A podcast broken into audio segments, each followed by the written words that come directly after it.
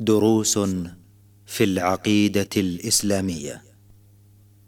برنامج من إعداد فضيلة الدكتور صالح بن عبد الرحمن الأطرم تقديم فهد بن عبد العزيز السنيدي تنفيذ خالد بن محمد الزيد. بسم الله الرحمن الرحيم الحمد لله والصلاة والسلام على رسول الله وعلى آله وصحبه وسلم تسليما كثيرا. أيها المستمعون الكرام السلام عليكم ورحمة الله تعالى وبركاته. وأسعد الله أوقاتكم بكل خير وأهلا ومرحبا بكم. إلى هذه الحلقة في حلقات برنامج دروس في العقيدة الإسلامية.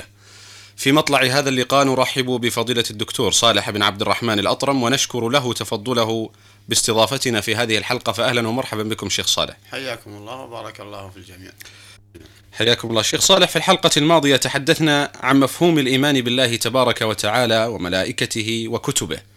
تحدثنا وإن كان الحديث سريعا ووعدنا المستمع الكريم أن نكمل الحديث في هذه الحلقة عن هذه الأمور. غير أني أرى أن نتوقف قليلا للحديث عن أثر الإيمان بالله تبارك وتعالى وأثر الإيمان بالملائكة وأثر الإيمان بالكتب في عقيدة هذا المسلم. ماذا يجني المسلم عندما يكون إيمانه صادقا بالله صادقا بملائكته ايمانا صادقا بهذه الكتب. بارك الله فيكم يا شيخ. بسم الله الرحمن الرحيم. اللهم صل وسلم وبارك على عبدك ورسولك محمد وعلى آله وصحبه أجمعين. مما لا شك فيه ما أوجب الله الإيمان وجعل له هذه الأركان إلا ليحصل الأثر نعم. وليوجد الأثر. وهذه الآثار لأركان الإيمان التي سمعناها والتي سنسمعها إن شاء الله هي سعادة الإنسان وهي التي خلق من أجلها. خلق من أجلها. نعم. فأثر الإيمان بالله وثمرته هو خلاصة ما نتكلم به مهما تكلم المتكلمون جمعها الرسول عليه الصلاة والسلام بقوله كأنك جمعها بقوله كأنك تراه. فإن لم تكن تراه فإنه يراك. فلهذا يقول العلماء أصول الدين منها معرفة الطريق. ومعرفة الطريق مش من أجل؟ من أجل سلوكه. نعم. من أجل سلوكه. والعمل في فيما في فيما عرفته. أما أن تعرف الطريق ثم تحيد عنه فقد فقدت أثره. فأجل ثمرة للإيمان بالله هو هذا التصوير البديع. أن تعبد الله كأنك تراه. فإن لم تكن تراه فإنه يراك. فهذا التصوير يمنعك عن الإقدام على معصية على على على معصية الله. يمنعك عن لا لا لا تحجم عن القيام بطاعة الله. لا تحجم عن القيام بطاعة الله. حينما يراودك الشيطان ونفسك. لأنك تتذكر عظمة الله. تتذكر جزاءه. إن خير فخير وإن شر فشر تتذكر قوله تعالى وما تكون في شأن وما تتلو منه من قرآن ولا تعملون من عمل إلا كنا عليكم شهودا إذ تفيضون فيه. إذ تفيضون فيه. وما يعزب عن ربك من مثقال ذرة في الأرض ولا في السماء. ولا أصغر من ذلك ولا أكبر إلا في كتاب مبين. ألا إن أولياء الله لا خوف عليهم ولا هم يحزنون. فما أعظمها من آية آه التي أعلمتنا بعلم الله وأعلمتنا بآثار بآثار العلم بالله علما حقيقي وغير ذلك من الآيات الكثيرة التي لا تعد ولا تحصى. كقوله تعالى وتوكل على العزيز الرحيم الذي يراك حين تقوم وتقلبك في الساجدين هو السميع العليم. فإذا آمنت بالله وأنه يراك أتظن هذه الرؤية لا أثر لها؟ وهل أثرها لا يرتب على نتائج من قبلك؟ فلا بد لهذه الرؤية وهذا العلم الشامل منه سبحانه وتعالى بخلقه أن آثاره ستحصل لك في الدنيا والآخرة. ولو تمادينا في هذا الموضوع لما خلت آية تدل عليه. ثم ظاهر يا سماحة الشيخ نعم. أيضا ظاهر هذا في بحمد الله تبارك وتعالى في انشراح صدر المؤمن. نعم. في راحته النفسية في هذه الحياة بينما نرى تخبطا عجيبا ممن لا يؤمن بالله تبارك وتعالى. تضيق عليه الحياة هذا حتى كأنها مع وسعها مع ما يملك من الأموال كأنه يعيش كما يقال في الأمثال في خرم إبرة.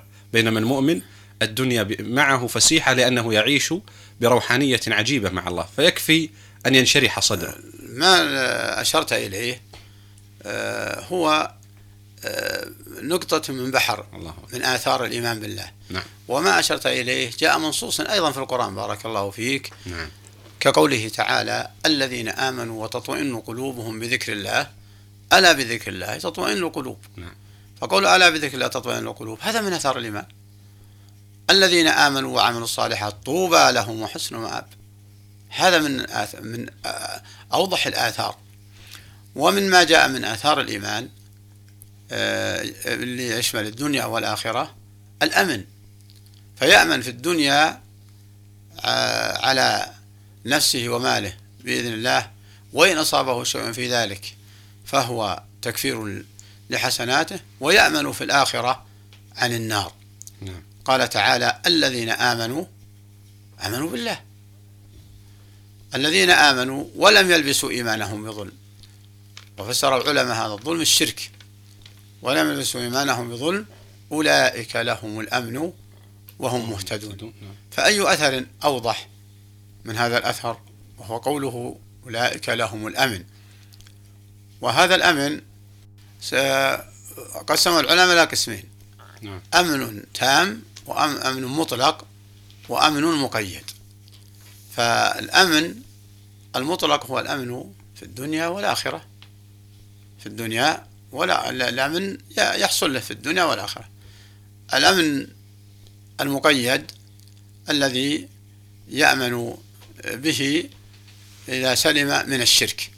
فإذا سلم من الشرك فقد عرف الله أنه أغنى الشركاء. فلم يشرك به شيء فأمن من النار من الخلود في النار. وإن سلم من المعاصي فقد تحصل على الأمن المطلق. أولئك لهم الأمن وهم مهتدون. ومن الثمرات هذا الاهتداء. الذي ضمنه الله نعم. للمؤمن. للمؤمن. الذين آمنوا وعملوا الصالحات طوبى لهم وهي الجنة. وحسن مآب. نعم ال- ال- المرجع. الله أكبر. والموطن. وهي من وهي منية المؤمن وغايته. وغايته. و كيف كيف ننظر؟ نعم. اقرأ أي آية؟ نعم ومن أعرض إيه. عن ذكري فإن له آية معيشة ضنكا. تجدها كلها في أثر الإيمان. الله أكبر. كما تفضلت ومن أعرض عن ذكري فإن له معيشة ضنكا. يعني الذي لم يؤمن نعم. آه، لقي ضنك المعيشة في الدنيا والآخرة. ونحشره يوم القيامة أعمى. الحمد لله. قال ربي لما حشرتني أعمى وقد كنت بصيرا؟ قال كذلك أتتك آياتنا فنسيتها. مم. يعني هذا أثر عدم الإيمان.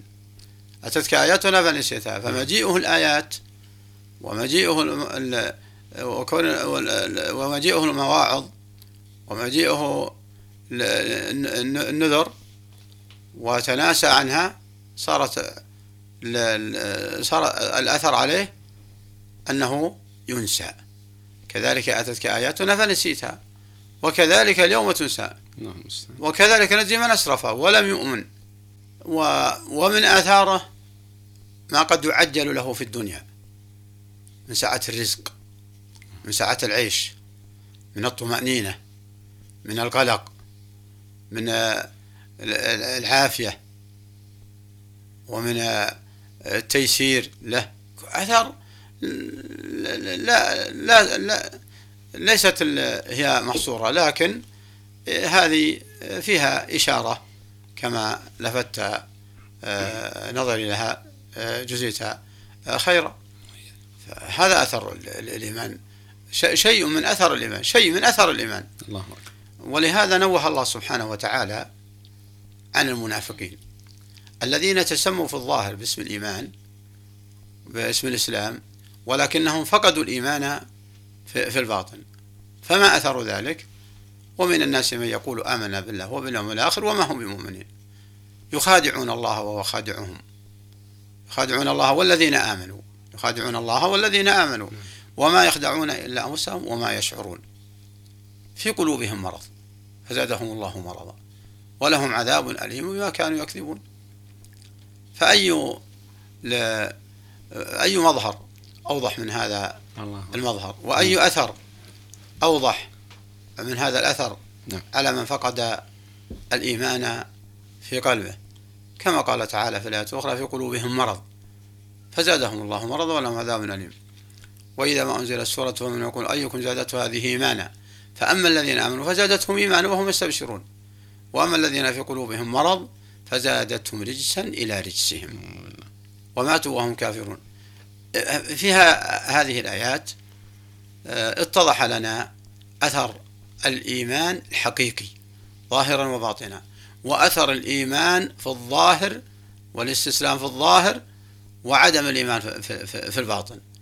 فدل على أن أن عدم الإيمان في الباطن لا ينفع ولو أظهره على جوارحه. أظهر الاستسلام على جوارحه. وأن الأساس هو الإيمان آه، بالله. ولله المثل الأعلى في هذه الدنيا. لو خاف الإنسان من إنسان آخر حاول بكل وسيلة أن يتقي شره.